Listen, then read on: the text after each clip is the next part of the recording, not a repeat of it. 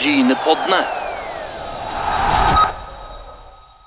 Da ønsker jeg hjertelig velkommen til Brynepoddene. Det er en uavhengig podkast som har studio på Bryne, og den blir laga av meg, Øystein Nygaard, og Asker Uland. Og vi har vært i drift eh, siden april 2020, og podkasten er hver torsdag, og vi er liksom Røystad fra distrikta som jobber under mottoet 'Lyden av sport'. Er litt dypere, Asgeir. Og vi skal prøve å være litt dypere i dag òg. Ja, vi får håpe det. Vi har jo fått en uh, interessant gjest som òg har bodd på Bryne. Det har vi. Og jeg har lyst, før vi røper dagens hovedgjest, uh, så må vi jo litt innom det som skjedde i, i uh, Stabekk, der Eirik Kjøne fikk sparken på tirsdagskvelden. Og jeg møtte jo Eirik når han var på Bryne, på Vippen der, og det er en kjempetrivelig type. Så det er jo litt trist, men det er gjerne litt forståelig allikevel. De har jo ikke prestert. Eh, nei, du kan si at Stabæk hadde vel som mål å rykke rett opp igjen. Og, og de har jo framheva dette akademiet sitt, og at det er blitt en klubb som driver godt. og Taper en mot båndlaget 3-2 borte, så, så, sitter han ikke trygt. Men eh, jeg vet ikke hva de har lina opp eh, til å erstatte han heller. Så det er jo ikke akkurat lett å ta seg rett opp igjen. Det har jo vist det. Det er som regel ett lag som tar seg rett opp igjen, og i år så er jo det selvfølgelig Brann.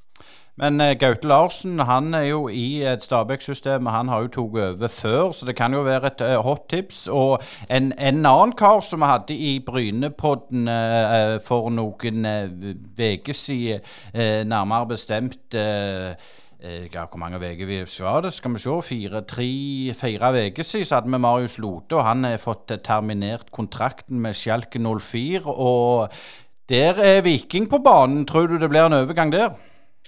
Nei, Jeg tviler på det blir overgang til Viking. Jeg tror nok han kommer til å havne tilbake i Bodø, hvis jeg skulle tippe iallfall. For de spiller jo tross alt om Champions League-plass eh, nå, og det er kjekkere å være med der, tror jeg, enn i, i denne Europa Conference League. Men tror du at eh, han er snart 30? Eh, tror du han på en måte trapper ned i Sandnes Ulf, Bryne eller Haugesund, eller tror du han går til en norsk toppklubb? Nei, jeg tror eh, han går til en norsk toppklubb, men jeg tror ikke han er moden for nedtrapping ennå. hvis han har lyst til, Det høres jo ut som han har lyst til å spille videre. og da så Det også, det var noen utenlandske klubber på banen, så det er vel agenten som skal få han av gårde en annen plass. og det er klart Når han har terminert kontrakten, så kan han jo gå nesten hvor han vil. og det berømte vinduet er ennå åpent, så vi får se om det blir en plass under sola, eller om det er tilbake til gråværet i Bodø. Det er helt sant. og Det blir ikke, det blir ikke Malmøy, og det blir ikke Våg, og det blir ikke Vindbjart og Ullern og dette her. Det blir en toppklubb for Marius Lode. Men eh, Christian Gauseth det er en fargeklatt i norsk eh, fotball, og nå er han eh, i Eurosport eh, skråstrek Discovery-studio. Og det er dagens eh, gjest, eh, Vi, Han må vi vel grille litt? Det må vi, og det er jo en mann som uh, liker å flagge meninger, så jeg tror ikke han klarer å tie helt stilt hos oss heller.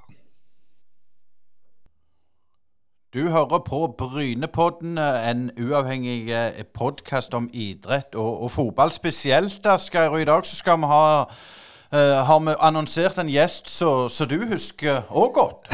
det gjør jeg. Jeg hadde faktisk et par skikkelig fine prater med Kristian Gauseth noen mandager på, på Bryne stadion. Vi satt og så på noen halvslavne tolagskamper. Og velkommen skal du være, Kristian. Ja, tusen takk for det. Kjekt å være med i Brynepodden. Det jeg begynner å bli en stund siden jeg var i Bryne, men eh, jeg husker jo veldig godt det òg. Eh, følte at vi hadde et veldig bra lag, og så fikk vi ikke ut det vi hadde i det laget. Men eh, det skal vi vel komme litt mer inn på etter hvert, tenker jeg. Ja, det skal vi absolutt. Og, for, for, deg som hører stemmen din og kjenner igjen den, så kan vi jo si at du er Ja, hva, hva er du for noe i, i Discovery skråstrek eurosport nå? Du, du vil vel kalle deg en ekspert, men er det det du er sånn egentlig? Uh, ja, altså det spørs hvordan du ser det. Uh, jeg har nå uh, spilt i ligaen frem til desember i fjor. og har nå en del kamper, både i Eliteserien og, og Obos-ligaen. og så ser jeg nå hvert spark på ballen, alle lagene. og har nå både interesse og brenn for det. og så får nå folk vurderer om de er enige eller uenige i det jeg sier, men eh, det er nå det som er jobbtittelen. Og jeg legger ned arbeidet for å forsvare den. Eh, og så eh, tror jeg at det gir et fortrinn å, ha gjort akkurat det. For da har du noe, vet du hva du prater om, stort sett. Ja, for det skulle bli fotball på det, Kristian. Det var vel skrevet på en måte i steinene. Og Fortell litt om, om oppveksten din i, i Romsdal, for det, det, hører vi jo at du er derifra. Det er vel Treff som er den første seniorklubb sånn sett. Fortell litt om, om, om dine unge år. Ja. Øh, vokste opp i, i, Molde, som du sier. Øh, har øh, en far som uh, jobber som kommunelege ute i Fræna, og ei mor som uh, brenner for sykepleie og etter hvert blitt professor i sykepleievitenskap. Um, og en bror som er lærer, lektor. Uh, så vokste opp i Molde, midt i bykjernen. Um, og veldig trygg oppvekst. Uh, treff barndomsklubb. Uh, begynte egentlig ganske seint, begynte ikke før jeg var ni eller ti år. Spilte fotball der. Uh, spilte litt sånn uorganisert før det, da. Uh, og så spilte ungdomsåret der, treff junior, veldig artig. Spilte vi bl.a. finale i Norway Cup og ja, veldig mange gode minner derfra. Um, og Så ble jeg på en måte voksen, ble ferdig med videregående og spilt andredivisjon med treff. Og da ville jeg ta et steg videre. Så da flytta vi vel egentlig til Oslo. i og Magnus Oltedal, som er en barndomskompis, som nå trener Spjelkavik, da, for dem som følger bredde, breddefotballen tett. Uh, vi har flytta til Oslo uh, uten klubb. Uh, han har jo Gjersk det vel besteforeldre som bor på Klepp, tror jeg.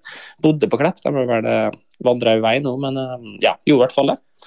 og så ringte vi litt rundt og dro og trente med litt forskjellige lag. Og fikk tilbud fra, fra både Skeid og Follo og Bærum. Eh, vi valgte Bærum. Eh, Tor Ole Skullerud, som vi nå har jobba med, han var trener der. Eh, og så gikk nå ikke det sånn kjempebra, egentlig. Eh, var et kjekt lag å spille på, men ikke var sånn braksuksess sportslig. Inn og ut av laget og litt fram og tilbake. Så da, etter sesongen, så um, kom Groruddalen og ringte. Som eh, var trent av da Rolf Teigen, som senere skulle bli treneren min i Bryne. Uh, og I og med at han ble treneren min i Bryne, så skjønner dere omtrent hvordan det, hvordan det gikk i Groruddalen. Det gikk uh, veldig bra. Um, og um, vi holdt på å rykke opp. Uh, veldig godt lag. Kristian Tore Bjørnsen som ja, spiss på Sandnes Ulf uh, i årene var det 2008 og 2009, uh, tror jeg, og senere har blitt fysisk trener for for Rosenborg og Hønefoss i Eliteserien. Spilte på det laget. Paco Johansen, som nå er trener i Odd, var min medkamerat på, på midten der. så ganske klokt lag. Uh, der. Um, og så um, ringte jeg fra Molde, da. Uh, da de møtt meg to ganger med Molde 2 uh, i siste året med, med GBK. Og da hadde nå de fått opp øynene for, for, for meg, da.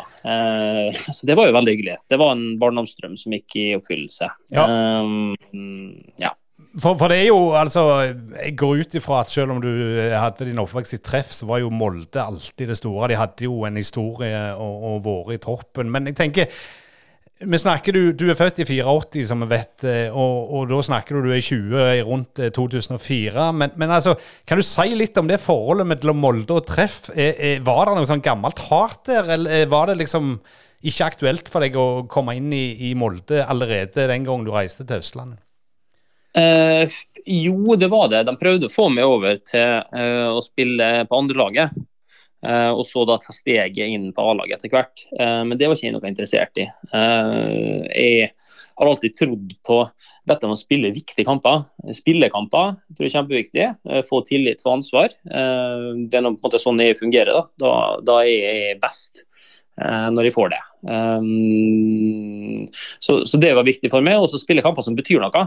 Ikke en sånn andrelagskamp der det er samme om du vinner eller taper. Uh, vil at alt på en måte skal stå på spill. Uh, det tror jeg måte, Det er det som er artig med fotballen, at det betyr noe for folk. Både de som er på banen og de som er på tribuner.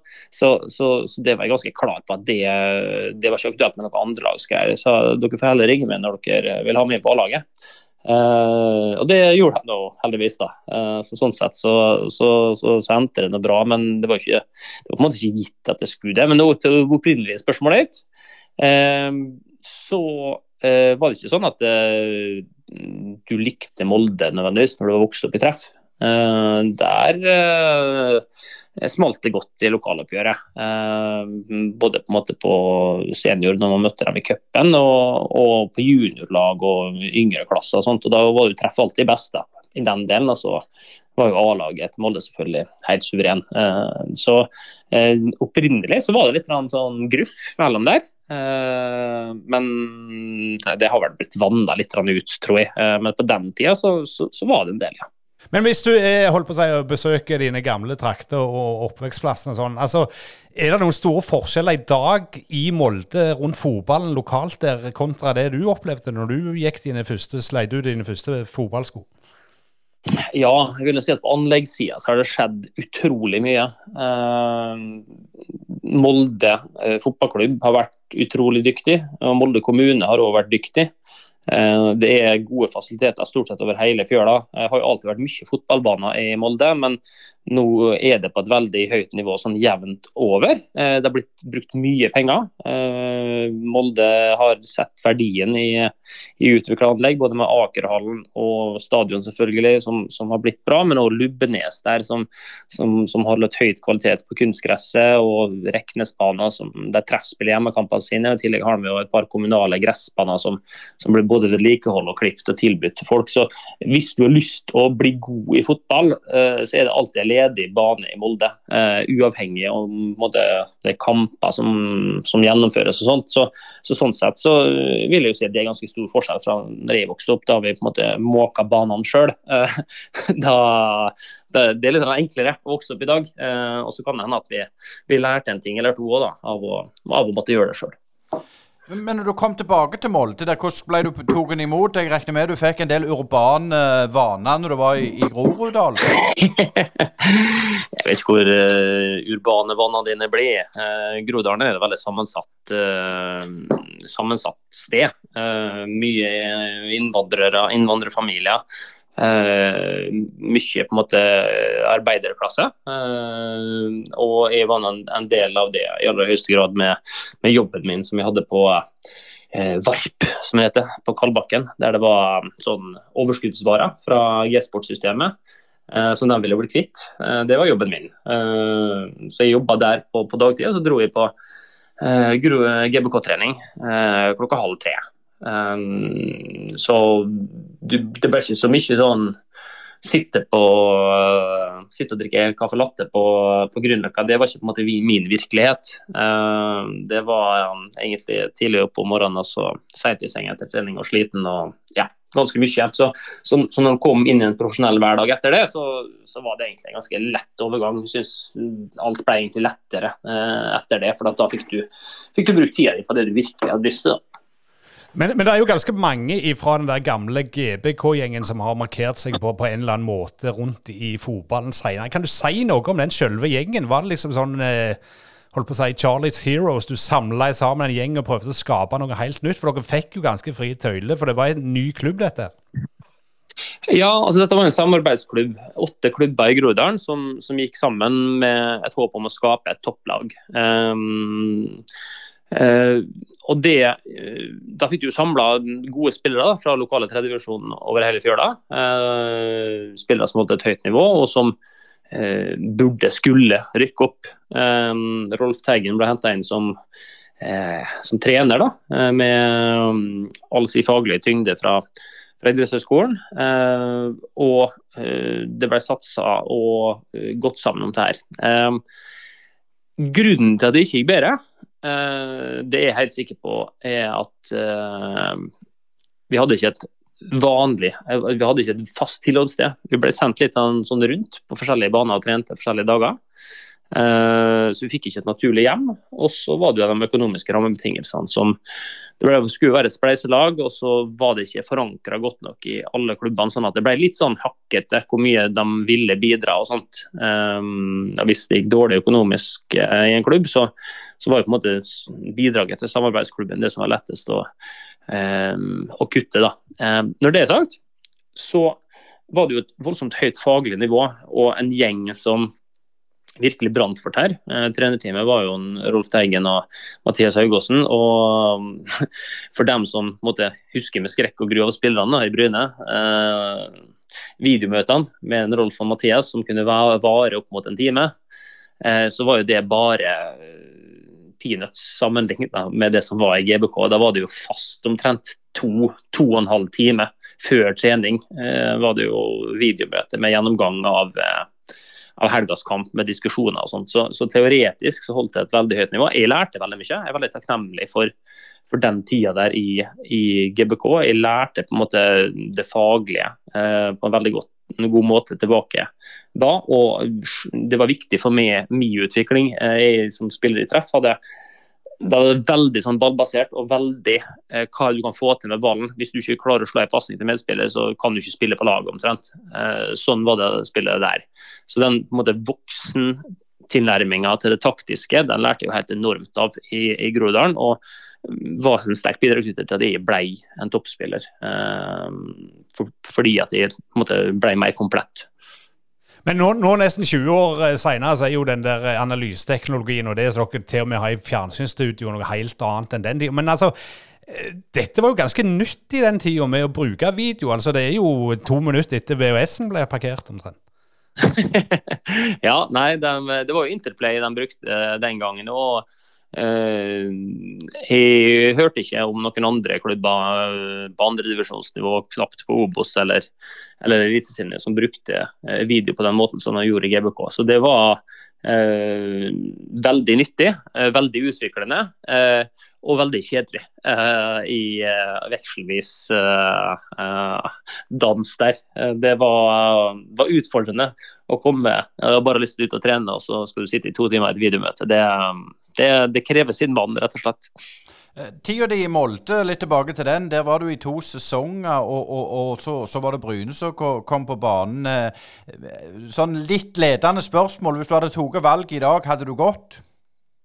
Uh, nei, det hadde jeg jo ikke. Uh, og så må jeg rette litt på det du sier, Øystein. Uh, for jeg var der bare ett år. jeg var der i 2007. Ehm, da rykte vi opp, eh, og så hadde de tilbud om eh, en kontrakt som var eh, bra. Det var vel en fireårskontrakt. Men så kom Bryne på banen med et veldig godt tilbud. De matcha lønna i, i, i Molde. Eh, bare at det var bare to år. da, Allikevel skulle få samme lønnspakke, så dobbelt så bra betalt. Eh, så det var nå en faktor. Men det som bikka det i Brynes favør, var jo at igjen av Magnus Johansson han hadde jo ringt året i forveien før jeg gikk til Molde. Uh, og jeg hadde jo vært borte og trent året i forveien, og spilte vel en treningskamp, om jeg ikke husker helt feil. Kan det vært på Rosselandsbanen, et eller annet sånt? Tror vi vant mye, i hvert fall. Eh, det gikk bra i den treningskampen. Eh, jeg var der og trente først, og så, og så sa han vi, vi vil at du skal komme. Eh, men når måte, Molde da ringte og hadde vært på, på høsten der, så ja, da, da, var det ikke vanskelig. Men året etter så var det vanskelig, for da uh, var det en ting at han hadde ringt året i forveien. Nå skulle Rolf Teigen ta over han kjente jeg godt fra, fra Groruddalen og hadde et godt forhold til. Uh, visste hva jeg sto for, han visste hva jeg sto for. Uh, og det skulle bygges ny stadion. Uh, vet ikke, er en ferdig noen nye stadion? Ja, du, kan, du spør godt. Den, gamle blir så gammel nå at han begynner å bli kul igjen, vet du.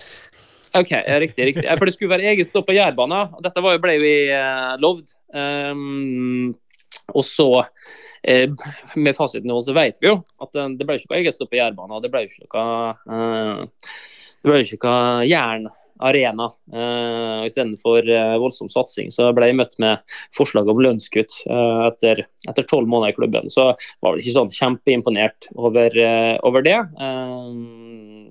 og sånn i ettertid, for å svare på spørsmålet ditt, så, så, så hadde jeg nok ikke valgt det samme med fasiten i hånd. men Husk på, jeg ble tilbudt noe som trigger meg, eh, både med ny arena, treneren min, og kanskje først og fremst det viktigste av alt, sjef. Sjef og ansvar. eh, og forventninger. Og det er sånt som jeg elsker. Eh, så når da den pakka kom, så, eh, så, så føltes det veldig riktig da. Eh, og det det ble ikke noe lykkelig eh, måtte, eller, Vi berga plassen, da, men det var ikke det som var målet, det var å rykke opp. Eh, så sånn sett så, så ble det jo ikke den, den historien vi skulle ha.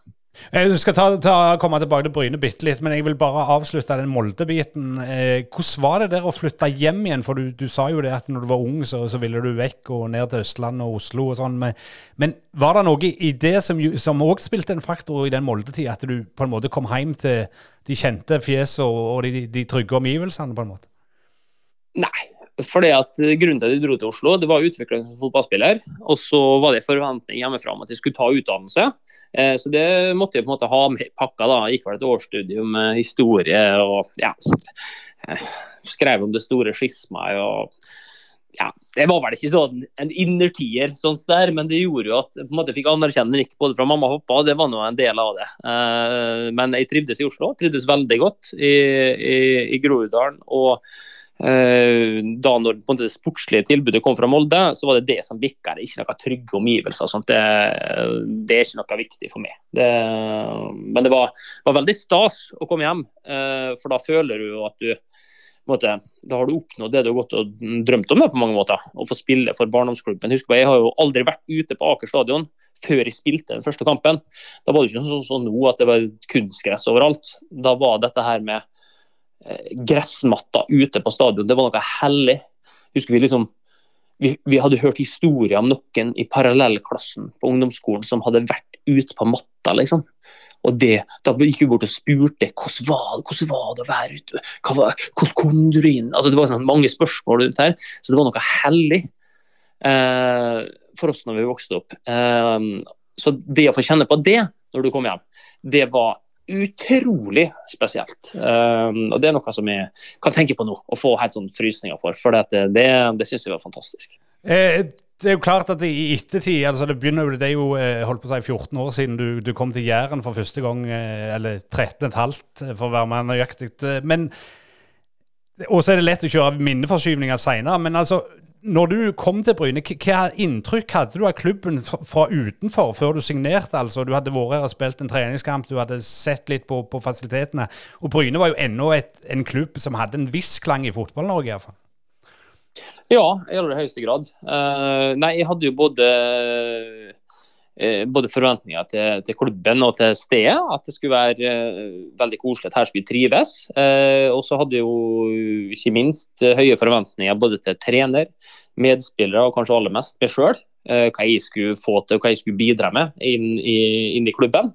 Uh, og fasilitetene så jeg jo på som fantastisk. Gressmatta uh, helt i norgestoppen. Uh, opp mot Aker stadion, der uh, Kormeset gikk og gredde Uh, ikke vært et hårstrå med kam. Eh, samme nivå syns jeg Brønnøy stadion var på. og når jeg vært der året før, så hadde jeg trent inn Jærhallen. Så selv om det på en måte ikke var sånn fantastisk underlag, så hadde du jo garderoben rett sånn at du kunne rusle rett inn på, på vinterstid. og eh, ja, hadde jo godt inntrykk av spillergruppa og alt sånt der eh, på forhånd. Så, så, så, så, relativt høye forventninger til hva vi skulle oppnå i lag, det, det hadde jeg eh, når jeg kom. Eh, jeg tenkte at eh, nå når vi fikk noen nye stadion, nye fasiliteter, få være med på den reisa der, det hadde jeg virkelig virkelig lyst til. og Det var noe som, som, som, jeg, som, jeg, nesten ikke kunne starte med å komme i gang med. Og Så fikk jeg jo et beinbrudd i, i foten min på, på, slutten av sesongen. Jeg spilte jo ikke siste kampene i Molde.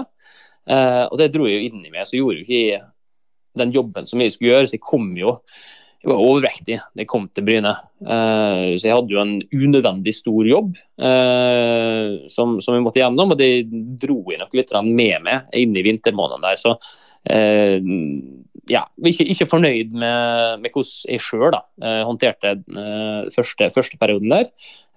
og så er det senere en del ting som, som sikkert kunne vært annerledes både fra, både fra klubben og fra meg. Ja, Vi skal ikke dvele for mye om tida i Bryne, men vi vet jo at Bryne satsa stort med ny stadion og nytt togstopp, og alt gikk jo på trynet, for å si det på godt norsk. Men jeg tenker du fikk jo en klar oppgave når du kom inn i klubben, at du skulle være spilfyrer og sånn, så vet vi jo òg det at det var en del sterke personligheter i den garderoben fra før av. Eh, hvordan var det på en måte å komme med, med, med, en arbeidsoppgave? Følte du at du fikk gjøre den, eller var det sånn at nei, sånn, sånn gjør vi det her, og, og, og det var sterke personligheter i garderoben? Jo, det var sterke personligheter der, det er jo ikke noe tvil om. Altså Sånn som Roger Eskeland og uh, Ronny Espedal og Håvard Sakariassen, Allan Borgvart og uh, Stokkeland, ikke minst, og Jakko Nyberg. Altså, dette her var jo altså, voksne karer den gangen. Eh, og på en måte, det å skulle uh, gå inn og sjefe over dem, det falt seg ikke sånn naturlig, uh, syns jeg. Uh, så for å svare på spørsmålet ditt, så, så kunne, kunne, nok jeg kunne nok håndtert det der bedre. Eh, og så tror jeg nok at vi ikke tok nok inn over oss hva som måtte til som lag for, for, å få til de ambisjonene vi hadde. vi blei vi ble fragmentert. Eh, det ble litt sånn litt de nye mot dem, nei, mot de som var der fra før. Um, for at til starten så skulle alle dem som var blitt henta, spille. Og så skulle de som hadde vært der fra før, de skulle sitte og se på. Eh, og så gikk jo det eh, ræva, og da skulle det plutselig være bare dem som har vært der fra før, som skulle spille. Eh, og det er klart, For en gruppe å oppleve det der, det er jo ikke akkurat uh, fungerer ikke akkurat som lim, det. Da blir det jo litt splittelser. Uh, og det har noe, noe som jeg har reflektert over, ting som, som jeg helt sikkert kunne, kunne løst bedre der. og Det, det tipper jeg at det blir gjort litt på andre sida òg, for er, det er noen fornuftige karer uh, vi prater om her. Men, men Christian, jeg har bare lyst til en kort oppfølging der. for at Du snakker om de som er, hadde vært i klubben og er hovedsakelig lokale eller fra, fra nær, nærheten. Og så hadde du jo dere som kom inn som var vært rundt forbi fotballen. Men så hadde dere òg en, en utenlandsgjeng som var ganske stor, da, den gruppa med, med, to amerikanere, et par fra Venezuela, eller var det vel, og, og litt sånn. Eh, hvordan fungerte, Costa Rica, ja. Costa Rica, hvordan fungerte den dynamikken mellom dere og de amerikanerne og costaricanerne? Nei, den fungerte ikke godt nok. Uh, det er på en måte den ba basisutsagnet er at nei, det fungerte ikke. Uh, og så er det jo, når jeg sitter og ser tilbake på det laget der, uh, så er det noe det, det, er ikke mange ting jeg måtte gremmes over i egen karriere, men at vi ikke klarte å få til ta der, sette sammen ta der til et lag som fungerte, det er vel kanskje den største skuffelsen i min karriere. Fordi at jeg har nå spilt på noen lag siden eh, og ført det der. Men det er noen få av de lagene som måtte Hvis du går gjennom laget, da, spiller for spiller det er mye klokskap, du har tøffhet, eh, du har X-faktor, du har målskåreregenskaper, du har høyde, du har fysikk. Eh, altså, altså, du har altså, fra, altså, har Ronny, nei, Roger i mål, eh, som kanskje var best i divisjonen, keeper. Eh, du har en, eh, Vegard Landro på eh, høyrebekken, som kanskje ikke var på, helt på topp akkurat da, da men uansett er han en veldig veldig god førstedivisjonsback. Kunne helt sikkert klart seg godt i Eliteserien nå hvis han rykker opp. Du har midtsidene på andre bekken. Du har Jakko Nyberg eh, i midten, og Ronny i midten. Eh, Rod ja, ble kanskje ikke noen braksuksess, men eh, han hadde noe ting ved seg, han. Uh, I tillegg til Daniel Torres. og uh, han, Jeg husker ikke helt hva han het, han siste Costa Rica. Carlos et eller annet. Uh, Carlos. Ja ja, som hadde helt, en helt sånn vill fysikk. Helt sånn brutal fysikk. Uh, og så på midten så hadde du en uh, Stokkeland, uh, og du hadde med uh, Du hadde Allan Borgvart i hullet fremfor, du har Marius Helle på sida, uh, Hove Sakariassen på topp. Altså, at, at Cato Hansen var der, Tomé de Must altså, når, vi ikke klarte å få til den gjengen der, altså det, da, da, må, da, må, vi bare rekke opp hånda eh, og la den være og si at det der er faen ikke godt nok. For det, det der det burde vært et eh, opprykkslag eh, i mitt hode. Eh, ganske klinka. Eh, nå var både jeg eh, og, og Asgeir med i, i lokal, lokalpressen i den, den gang. Og det er klart, når, når, du gikk til Alta, så var jo omkvedet på Jæren at Christian Gauseth det blir aldri noen fotballspiller. Ja, Ja, det var det nok.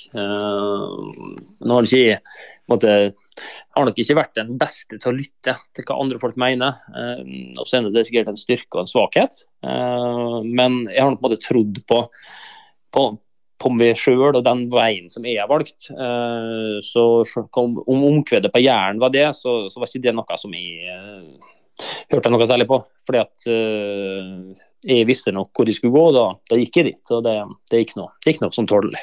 Men, men Christian, altså Alta, eh, det var jo ikke akkurat der vi forventa at du skulle gå etter Bryne. Det var sikkert mange som har sett for seg at du skulle tilbake til Oslo-fotballen eller et eller annet sånt. Men, men altså, hva var det som, som, gjorde at du havna der oppe? Altså, Jeg går ut ifra at det ikke var bare mindre skatt og sånn som gjorde at du reiste til alt?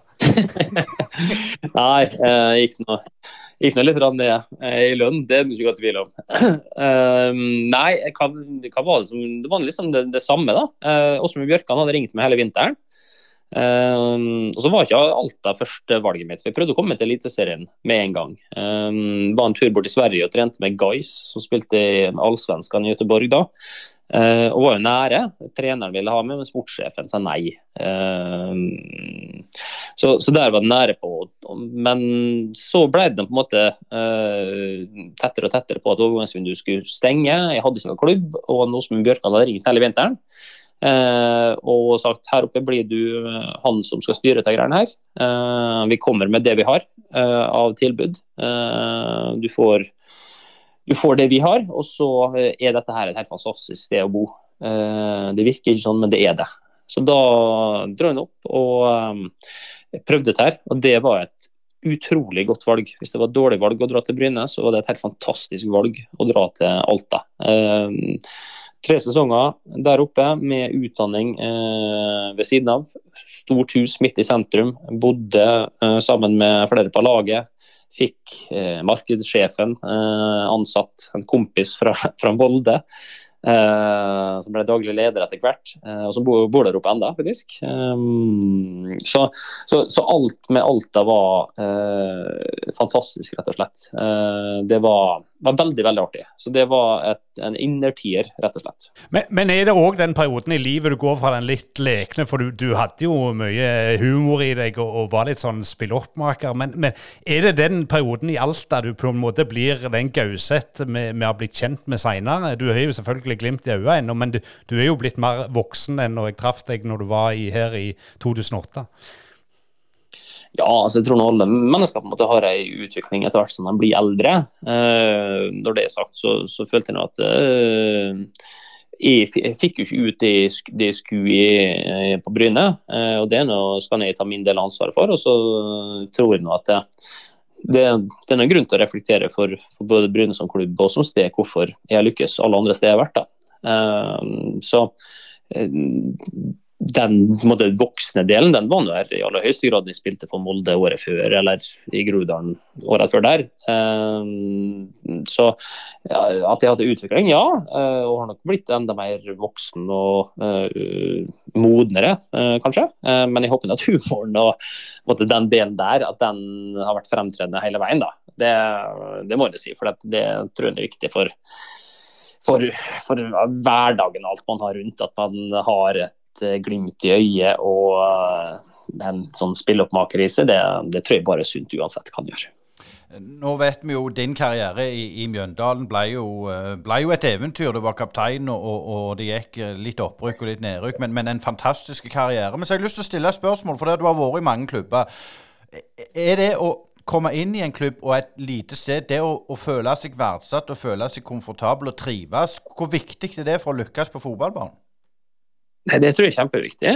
Uh, det er Altså uh, For en fotballspiller er det noe et vanlig menneske, det òg. Hvis fotballspilleren har det bra, så blir det enklere å takle, takle alt som skjer utafor eh, banen. Hvis man, hvis man, trives og føler seg, føler seg verdsatt, så, så, det er jo helt klart noe som, som spiller inn. Eh, og og den der trivselen i, i, i hverdagen, eh, den, den, er noe, noe som måte, var kanskje det jeg savna mest eh, når jeg bodde på, på Bryne. Jeg hadde godt forhold til flere på laget og, og følte liksom støtta fra dem og sånt. Men det var jo ikke noe sosialt liv. Det var en kort gjeng som satt og spilte den kort.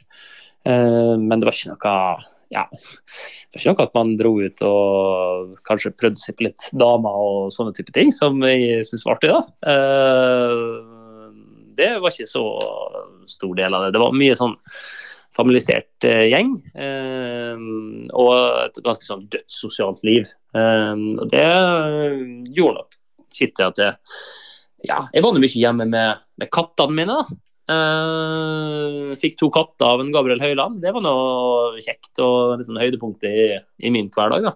Um, så, så, dette med å trives, det, det, det er kjempeviktig. Men, men, bare si det, du ser det når du, når du er i Mjøndalen, så fikk du på en måte være Christian Gauseth. Altså, de elsket deg for den du var. og Du var spilløkomater og, og gode fotballspiller, selvfølgelig. Det har jo alltid ligget i bånn. Eh, Mads Hansen, Vegard Hansen, og, og, de gjør jo mye av seg sjøl. Kunne du droget det lenger enn å blitt i Mjøndalen, tror du, når du ser etterpå? Uh, ja, altså det er alltid det er en, Fotball er tilfeldigheter, men, men da måtte jeg da måtte jeg vært bedre i Bryne, rett og slett. Da måtte vi ha lykkes i lag.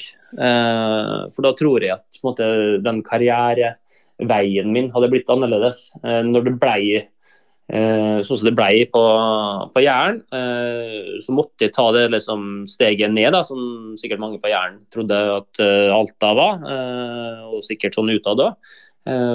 Eh, så, så, da måtte jeg bruke litt tid på det eh, for å komme meg til Mjøndalen. Så måtte jeg jo være med og rykke opp. Kunne ikke bare gå rett inn i et eliteserielag der. sånn. Så, så jeg er ikke sånn at jeg tenker at nei, jeg har fått for lite ut av det jeg hadde. Jeg tenker vel heller at jeg jobba hardt i mange år, og så, så kom jeg med. Eh, et stykke på veien, selv om jeg ikke kom eh, helt topps. Liksom. Eh, så, så ikke sånn at jeg, jeg ser tilbake med noen sånn form for bitterhet eller noe sånt. Jeg tror jeg, tror jeg fikk ut sånn høvelig det jeg hadde. Men, men, du er jo en mann som, som jobber med norsk fotball i, til daglig og har gjort det noen sesonger nå. Men sånn som du ser på en, en klubb som Alta, altså Finnmarksfotballen generelt, eh, som alltid vil være i skyggen av Tromsø, som er der som folk trekker, som, som vil iallfall i, i nærheten komme til en stor klubb. Men hva vil du si status er oppe i Nord-Norge, sånn som du kjenner det blant, blant klubbene der? Da snakker vi ikke Bodø, Glimt og Tromsø, men de er enda lenger nord. Ja, nei, altså det, det, er noe, det, er noe, utfordrende å drive klubb og tiltrekke seg spillere når du ikke har økonomi og du ikke har tiltrekningskraft i form av hvordan, hvordan klubben er. Uh, og hvor den er, ikke minst. Uh, for jeg husker på når vi dro på bortekamp til østlandsområdet, så dro vi på lørdag og hjem på mandag hver eneste gang. Og da var det ikke sånn at flyet gikk seint på lørdag, det gikk klokka 11 på morgenen. ikke sant? Så da hadde du jo Eh, du hadde jo to og et halvt døgn foran det når du skulle, uh, skulle spille bortekamp. og det, det krever jo uh, folk i en litt spesiell livssituasjon hvis du klarer å tiltrekke dem. Men når du ser på dem som altså Det har vært et par spillere der. altså Magnus Andersen spilte vi på lag med, som spilte i Tromsø i en årrekke, og som nå er tilbake i Alta. Eh, Mats Reginiussen var der. Eh, Tore Reginiussen litt før der. Eh, Mathias Nordmann, som, som, spiller i Premier League eh, nå, altså han, han, var jo der etter jeg dro. Så, så hvis man treffer på det, så er det jo mulig å, å komme opp igjen i aller høyeste grad. Men, men du har jo ganske sånn tøffe naturgitte eh, naturgitte eh, betingelser. Jeg har lyst til å komme litt inn på, på dette, denne TV-jobbinga. Det er klart, når du, eh, når du var her i, i, eh, i Tippeligaen, så kom jo iPhone og, og, sosiale medier for fullt. Jeg ser jo du, du melder jo en del. Men jeg tenker sånn som når du var i Mjøndalen, disse ungdommene som kom opp. Er det tøffere å lykkes i dag pga. disse sosiale mediene? Uh, nei, det tror jeg ikke. Fordi at eh, det har blitt så mye softere, eh, det miljøet innad i garderoben, enn det var før.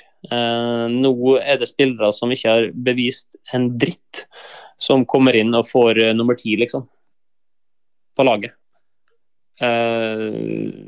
og man blir dømt med på trening med en gang man kommer opp, fordi det skal være koselig å være der.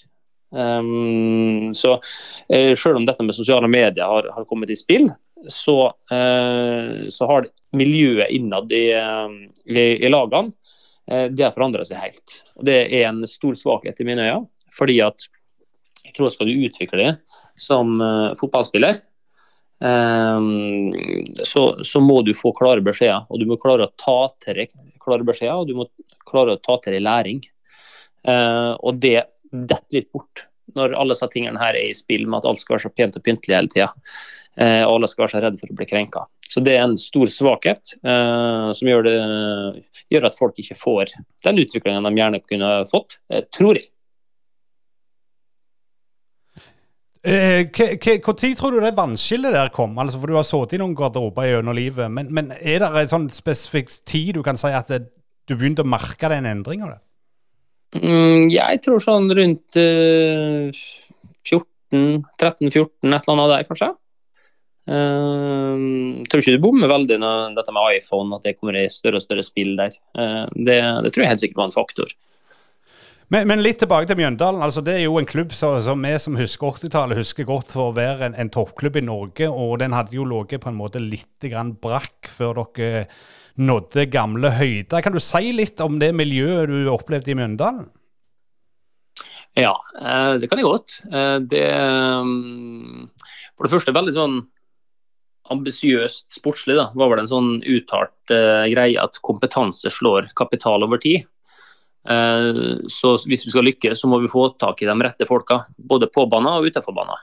Så veldig mye flinke folk. Eh, gjort gode rekrutteringer i, på, måte, på markedssida eh, og klubbsida. Hadde en eh, sjef i en Kenneth Karlsen som ja, veldig gode verdier i bunn. Eh, tok mye avgjørelser som man måtte være veldig uenig i, men eh, veldig, var veldig styrt av de verdiene. Og var ikke villige til å gå på kompromiss med, med noe som helst innenfor de, de rammene, det han trodde på, det han sto for. Eh, og Da får du en ganske klar retning på hvordan ting i klubben skal være. Eh, så Det er utgangspunktet. og så var de jo også veldig opptatt av at det skulle, være, det skulle være artig, både i hverdagen og vi skulle ha det kjekt i lag. Eh, gjerne på fest òg. Dette var noe som klubben organiserte flere ganger i året. Jeg tror det var tre sånne fester vi hadde hvert eneste år. Eh, der klubben organiserte både grilling og alkohol og tappetårn og musikk og både på en måte ja, uh, Kenneth Karlsen og Vegard drev på og slo kråke og breakdanser um, på seg, på seg festene der. Og Det er klart, det, det, gjør noe med gruppe. Det. det gjør at du, at du føler det som en enhet. Um, og sånn overordna så var vi noe kunne ha møtelag som hadde mer talent enn oss, men ofte i de der trange situasjonene så, så var det liksom gruppa som helhet som, som sto frem. Så, så det der, det, det, kommer fra et sted, og det kommer fra en ganske sånn bevisst eh, tanke da, fra, fra klubben. Eh, så det, det, det, var et smart valg fra, fra Mjøndalens side. Men er det sånn at, at de har jo disse her på å si, dokumentarene og alt om, om Mjøndalen og gutter og alt mulig. Er, er, det liksom litt annerledes klubben? For det, det, liksom, jeg følte dere ble sett litt sånn rart på av de andre etablerte toppklubbene. Ja, det, det, kan man jo sikkert si at det var. Eh, og så eh, var det ikke på en måte så viktig for, for Mjøndalen å være sånn som alle andre. Uh, men det har kanskje endra seg litt. Jeg tror at nå, uh, nå tenker man mer som, som, som, alle andre, og det kan hende at det er en styrke og det kan hende at det er en svakhet. Uh, jeg kan ha mine tanker rundt, rundt, rundt det der. Men, men, på den tida så var det jo dette med å være annerledes og måtte gå i vår retning, det, det var noe som ble veldig omfavna. Som var veldig sånn Ja ja, hva andre tenker om det. det. Vi gjør det sånn som vi har tenkt. Uh, så det er noe Ja. Så det, det brydde man seg ikke så mye om, er vel oppsummert. Eh, nå hengte du opp skoene eller la de på hylla etter fjorårssesongen. Christian. Var det, var det noen tvil der, eller er det sånn at føttene nå ikke henger med lenger? Uh, nei, det var var ikke noe tvil, fordi at uh, jeg merka det at uh, jeg merka det at nå, nå, nå, var det ikke det var ikke artig lenger. Nå var på en måte glimt i øyet borte. og eh, når jeg kom med mine innspill til, til, til trenerteam og klubb, så, så, ble ikke det lenger lytta til. Eh, så jeg bestemte meg forholdsvis tidlig i fjor at eh, dette her det, det, skal være det siste året. Uh, for nå, nå, nå, er det ikke, nå er det ikke kjekt lenger, rett og slett. og fotball har alltid vært selv om ting har vært kjipt da, i perioder utenfor banen, så har det alltid vært kjekt.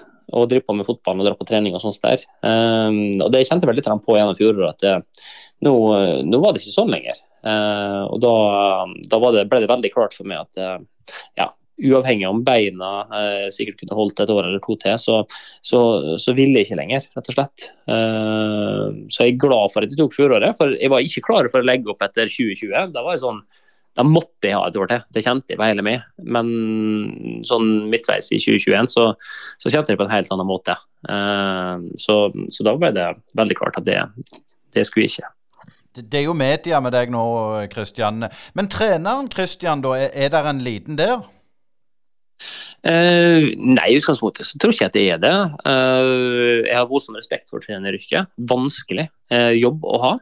Eh, veldig mye eh, Alle mener noe om det du gjør. Eh, og så det en veldig intensiv sak. Man, man, er på en måte alltid på jobb. man representerer alltid klubben på en eller annen måte.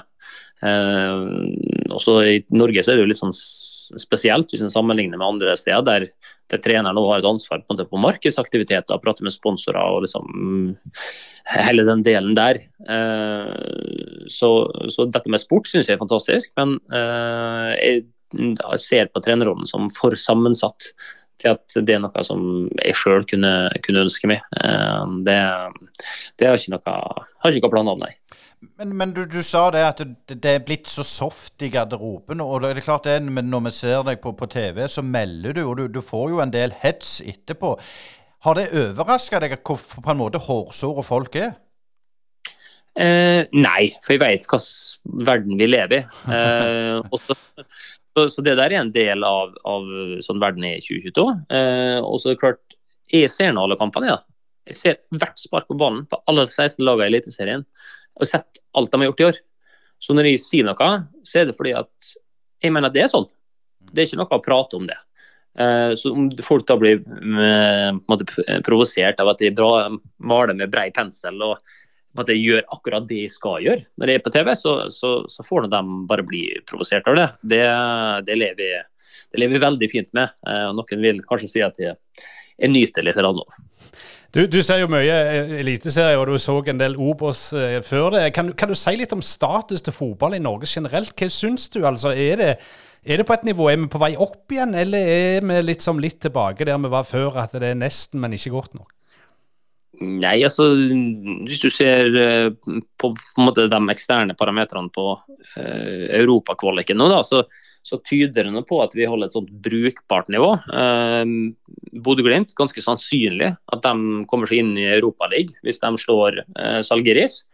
Eh, hvis de gjør det, så får de en sjanse på å spille Champions League òg, faktisk. Eh, og det er noe helt sinnssykt med, med, det laget de har nå, kontra det de hadde i fjor. For det er noe to forskjellige lag. Men, men uansett, de, de jobber nå bra. og de er nå gode. Det viste fjoråret og det de fikk til i Conference League, da, som er da det tredje nivået. Så, så Sånn sett så, så, så, er norsk fotball bra. Så hadde jo Molde under korona i det 2020-året, så kom de vel til åttendedelsfinale i Europaligaen.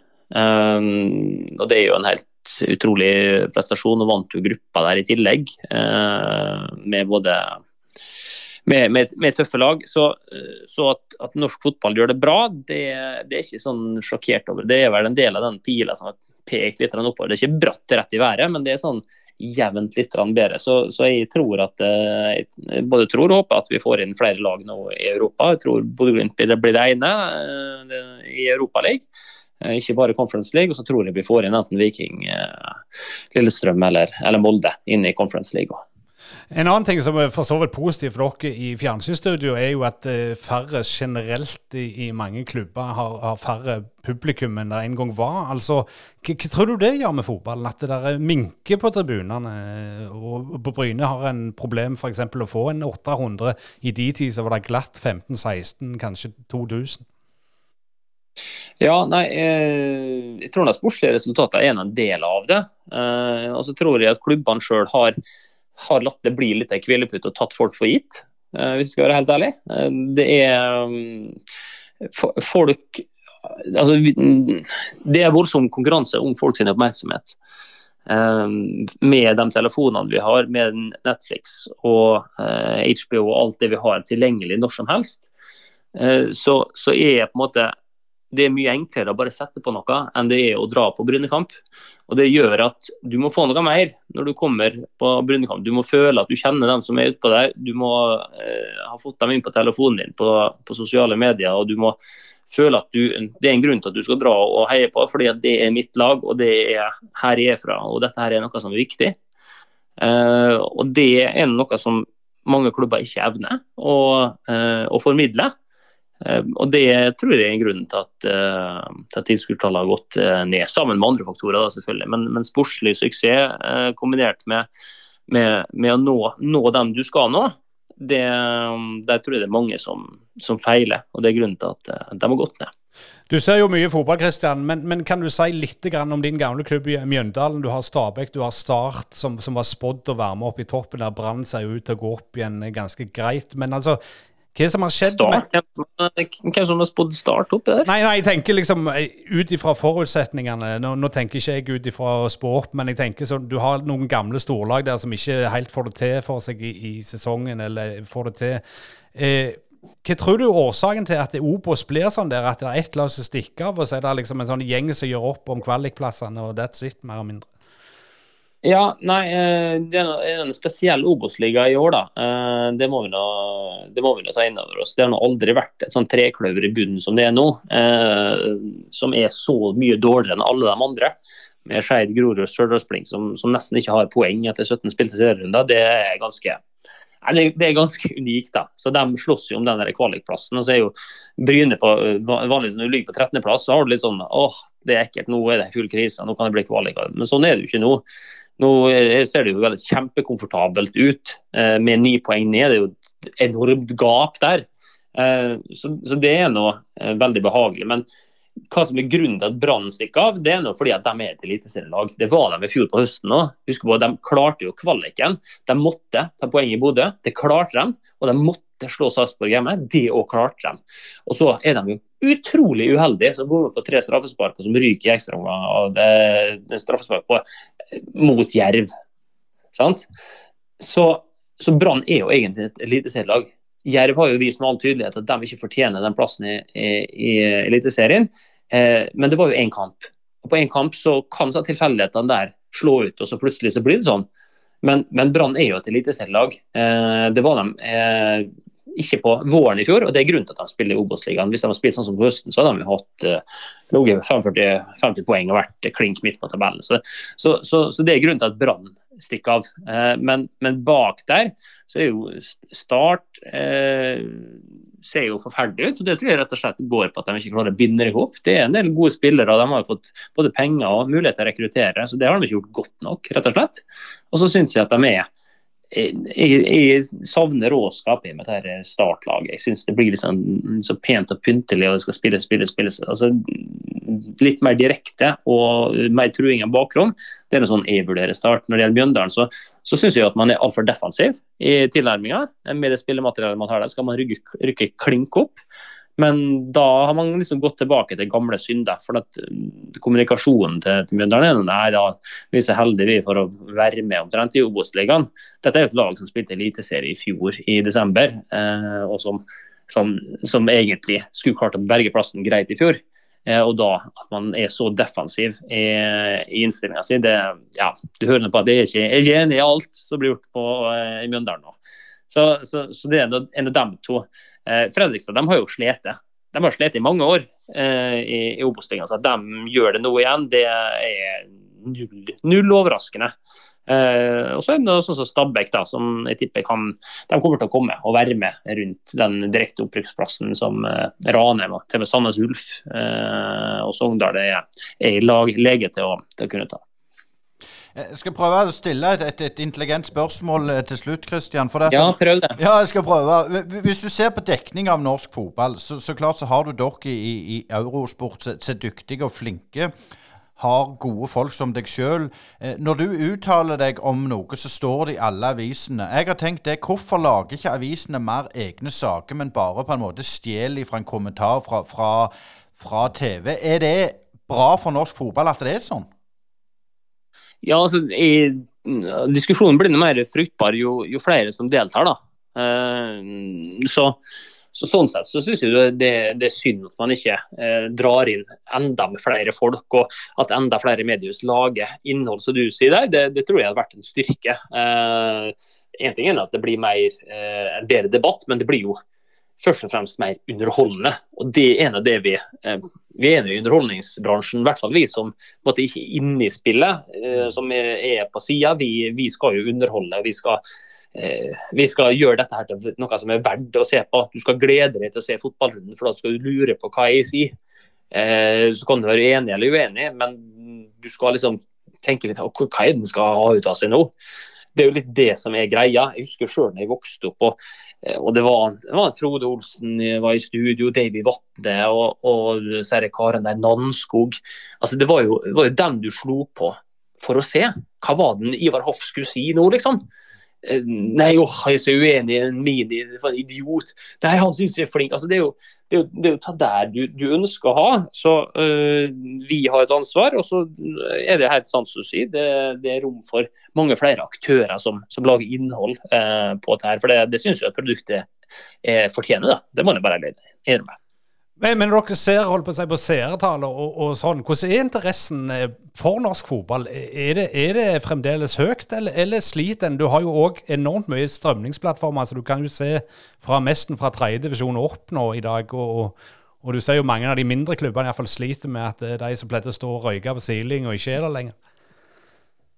Ja, eh, det, det skjønner jeg jo. også er det jo sånn som for Obos-ligaen, så, så, ser du at det blir jo veldig mye kritikk rundt at det er mandagsrunde. og eh, og den, Det går utover tilskuertallet, og det, det, skjønner jeg jo veldig godt. Det er en utfordring. Eh, men så syns jeg at den andre sida av det, den blir jo ikke belyst omtrent overhodet. Dette med at det, det at man har en egen dag da, for Obos-ligaen og et eget program, gjør at dette blir kommersielt veldig interessant. Og det drypper jo i sin tur veldig på klubbene. Det gjør at de får større del av kaka, de får mye større synlighet. De får markedsført både sponsorer og spillere på en helt annen måte enn når det på en måte drukner litt da, i eh, Eliteseriesøndagen. Så, så, det er noe som man på en måte må ta med i regnestykket her. for det, eh, det, gir jo inntekter til klubbene. Eh, og Det er noe, noe, som er veldig positivt. og Så gjelder det å treffe det tverrsnittet der både er folk på stadion og Uh, og, folk, og kommersielle interesser fra, fra, fra TV-seere. For, for, det er den måte, komboen som er gyllen her, da. Nå er det jo gått eh, holdt på å si, eh, tre hvert år siden du holdt på å si, bestemte deg for, for, å legge opp og var lei av fotballen. Rykker det litt i høyrefoten av og til når du sitter og ser disse kampene? Nei, overhodet ikke. Uh, det rykka litt. Jeg var nede i Grimstad nå i, helga. og Da var det et gressteppe som var ja, det var på Bryne-nivå, rett og slett. Um, og da kjente jeg at åh, det har vært artig å dra ut og spille her. Uh, men bortsett fra det, så har jeg ikke kjent på det i det hele tatt. Og det var rart, fordi jeg var så forberedt på at sånn kom det til å bli. Jeg husker jeg spilte i fotball til jeg var 37, nesten 38 år. Uh, så jeg var jo forberedt på at ja, kanskje må jeg ta og kontakte noen på Olympiatoppen, noen ressurser derfra for å uh, få, få bearbeida den sorga som jeg var så sikker på kom til å bli da, med, å slutte å spille fotball. for at uh, det har nå vært hele mitt liv, og det har liksom vært det som har representert de beste stundene i, i livet mitt. Så når det da forsvinner, eh, så, så, var jeg veldig sånn, spent på hvordan det skulle bli. Eh, men det har ikke rykka. Og det har ikke vært noe sorg. Det har vært en voldsom glede over å våkne opp om morgenen og ikke ha vondt. Uh, vi kjørte et par operasjoner de siste årene, og det er klart det kommer noe med en kostnad her. Da. Så det å våkne opp så, så er det en ny dag, og så funker kroppen, det, det, har noe å si for humøret ditt og glede i hverdagen. Så, så, for min del så har det ikke vært det. Men det kan hende at det kommer, da. Men per nå, nei. Ingenting. Men, men, du er jo relativt heldig da, som kan gå ut og si at du ikke føler på noen sorg og tomhet. Men, men, har du truffet mange gamle kollegaer som gikk ut i den sorgen og tomheten? Jeg husker all gamle Allan Hansen lagde en gang en dokumentar om toppspillere som hadde gitt seg med fotballen og bare forsvant ut i mørket, på en måte. Er det et problem i norsk fotball, eller har vi litt mer i bånn der som gjør at det er litt enklere å håndtere hverdagen? Jeg tror på en måte det er fordelen med sånn sosialdemokratiske samfunn som vi lever med, at vi er ganske, sånn, vi er ganske like. da. Det er ikke sånn voldsomt, voldsomt forskjeller.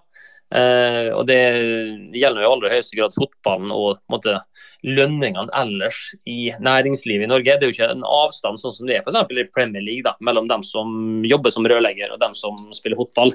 Eh, I Norge så er det jo sånn at rørleggeren eh, han kjenner, kjenner gjerne bedre han da, enn en fotballspilleren.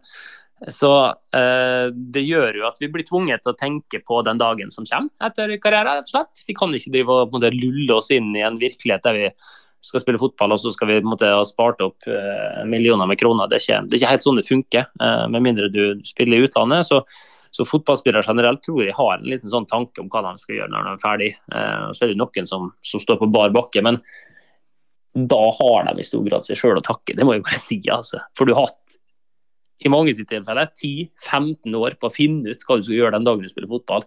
Så Hvis du da, når du kommer dit, når du er la oss si at du er over 30, da, så har du enda ikke tenkt en, uh, ut en plan da, ja, da, da er det litt å gå på.